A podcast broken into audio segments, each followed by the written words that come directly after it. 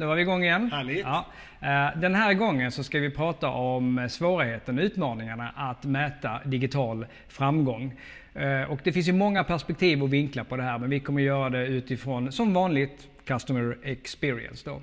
Eh, det är ju ofta så att när någon, ett företag digitaliserar och man har kanske den, den första uppföljningen uppföljning utav där man ska utvärdera siffrorna så ser man vad fantastiska resultat man har. Man tittar på siffror som hur lite, hur många interaktioner man undvikit, hur mycket timmar man har sparat kanske. Sparat kanske. Men man ser, kopplar sällan upp helheten kring det här, att man mäter sällan hela kundresan. Och det finns också massa andra utmaningar och situationer som, som vi har stött på där. Mm. Jan, vad, vad känner du inför det här med att mäta automatisering? Alltså, Det, det, är ett, det är ett väldigt svårt ämne och det är lite grann så att, eh, att eh, när, man, när, man börjar, när man börjar mäta och börjar analysera det man mäter och göra det på ett konstruktivt sätt så upptäcker man hela tiden nya vinklar och nya dimensioner. Eh, så att, men, men just det som du var inne på är ju ganska intressant. att ju- Just om vi, om vi fokuserar på det här med aut, automation så ser ju vi att en del, en del kunder som automatiserar till exempel med en chatbot eller liknande mäter framgång lite i form av att okej, den har hanterat så här många potentiella interaktioner. Och, och det är eh, lika med så här många timmar. Ja, och och det, räknar om vi vinster på Precis, det och det, har vi, och, det, har- och det har vi sparat. Och då precis som du var inne på också det här med att då har man inte tittat på hela kundresan. Dels, dels har man ju ganska, ganska låg förståelse ibland kring vad hade den här interaktionen kunnat ta vägen om det hade suttit en person som var väldigt duktig på att till exempel sälja. Att kunna förstå en persons behov, historik och lyfta det ärendet till någonting helt annat. Vi säger ju inte att man inte ska automatisera alls, utan det, det är ju en, det är en bra sak. Men man måste också ha en, eh, eh, kunna följa upp det och, och veta vad man ska sk- skruva på Exakt. konfigurationen. Liksom. Ja, och, och det här är ju intressant för här skulle man kunna jobba med lite A och B-test och säga att okej, en viss mängd av de här interaktionerna, de låter vi den här botten ta hand om till exempel. Och en annan del låter vi gå till en person som är väldigt duktig på att exempelvis eh, ta reda på en, en, en, en kunds eh, fulla potential och behov och så vidare och jobba med merförsäljning. Vad blir skillnaderna där? Eh, en annan dimension är ju till exempel lojalitet. Okej, vi kanske automatiserade och upplever det som att okej, den här kunden fick, fick hjälp enklare och snabbt. Men hur påverkar det den här kundens eh, framtida engagemang? Det är ju oftast för kort tid för att kunna säga någonting om.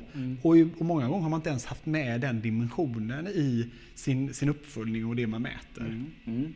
Vi brukar ju som vanligt ta några exempel från eh, när vi själva är ute och snubblar runt på, på internet. Har vi något eh, då, bra eller dåligt exempel på, på det här?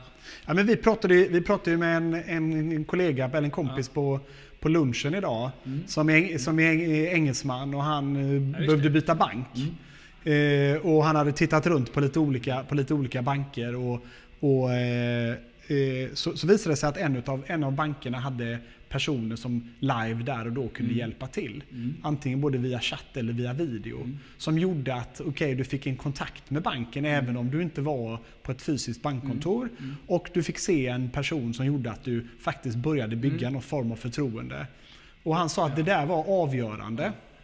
Eh, Och det är klart att om du automatiserar där istället och glömmer bort den här möjligheten, då kanske du tappar den kunden. Ja, men eh, det, i det här fallet så, så kanske det var automatiserat.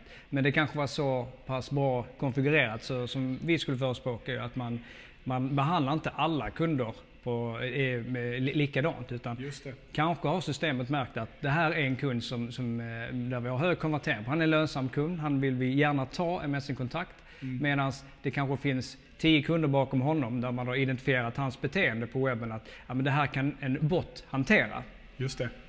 Och vi, vi har varit inne på det lite grann när vi har haft några tidigare spaningar kring, kring AI och automa, automation.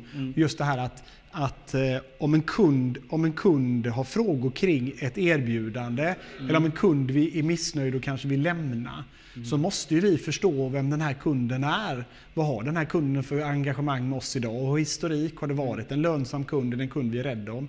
Eh, eller vad, vad har den här nya potentiella kunden för, för, eh, för familjesituation eller livssituation som gör att vi kanske kan, kan få en, en långsiktig relation om vi faktiskt bara tar ett litet ögonblick ögonblick för en mänsklig kontakt istället för automation. Så, att, eh, så att det här finns ju massa olika perspektiv på det här. Men att försök titta på, som du var inne på, hela kundresan. Jobba med A och B-test. Vi ser, okej, okay, vad händer när vi automatiserar kontra vad händer när vi kanske delautomatiserar och lägger till den mänskliga kontakten där det gör nytta och, och där vi har störst potential. Och, eh, och sen givetvis följ upp med kunden med. Mm. Var du nöjd med din eh, i, i interaktion? Är det någon skillnad i kundnöjdhet mellan aut automatiserade interaktioner och mm. live-interaktioner? Och vad händer med lojaliteten? Hur länge stannar man som kund? Mm. Beroende på vilken typ av mm. bemötande man har fått. Intressant och eh, många bra tips i ett eh, ganska svårt och säga, nytt ämne eftersom det finns många rapportmallar och sånt som måste skri skrivas om för att kunna få lite, förstå siffrorna som kommer in nu under 2019 när mer och mer processer tack och lov börjar digitaliseras. Just det, och det var faktiskt en grej som vi pratade om innan här som vi inte ska glömma bort och det är så att många gånger när man automatiserar en dialog så kanske man mäter precis som vi sa att den dialogen slapp vi. Mm. Men du kanske inte följer upp om den kunden senare ringde in. Nej, just det. Eller om den kunden kom tillbaka via en annan kanal. Så att den blev egentligen inte hjälpt, men vi räknade som att vi hjälpte till. Mm. Och så lurar vi oss själva lite. Mm. Så det finns den vinklingen också. Mm. Intressant. Anledning till att återkomma till det där under året när eh, kvartalsrapporterna kommer in. Ja, just det. Ja. Eh, ni får ha det så bra eh, den här veckan så ses vi igen snart när vi har något mer att prata om. Ja, härligt. Ha det så bra. Ha det gott. Tack, hej. hej med er.